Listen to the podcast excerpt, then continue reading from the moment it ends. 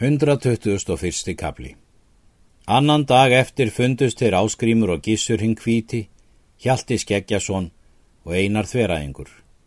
Þar var þá og Mörður Valgarsson.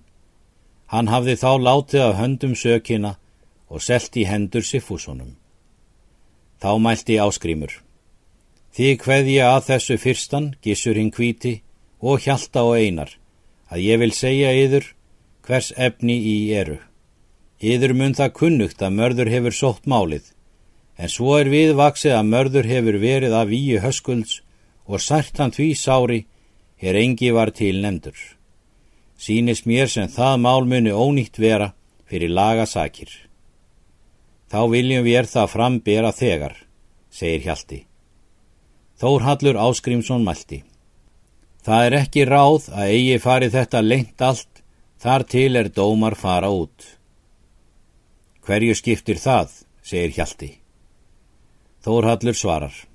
Ef þeir vita nú það, þegar, að ránt hafi verið tilbúið málið, þá meiga þeir svo bjarga sökinni að senda þegar mann heima þingi og stefna heiman til þings en hverja búa á þingi og er þá rétt sótt málið.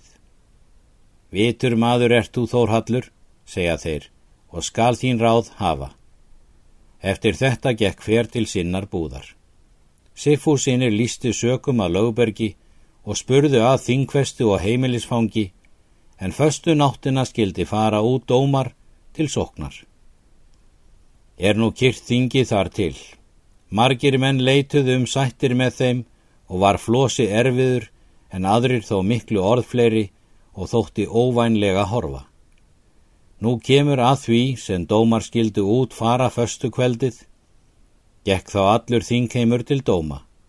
Flosi stóð sunnan að rángaengadómi og lið hans. Þar var með honum hallur af síðu og runolfur úr dal, svon úls örgóða og aðri þeir sem flosa höfðu liði heitið.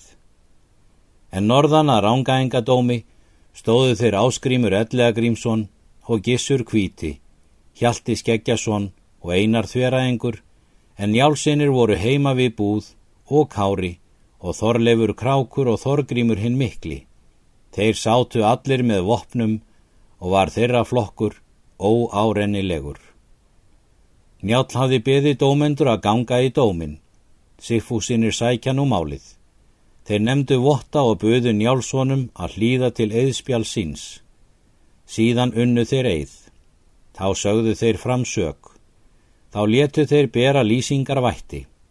Þá buðu þeir búum í setu. Þá buðu þeir til ruðningar um hviðin.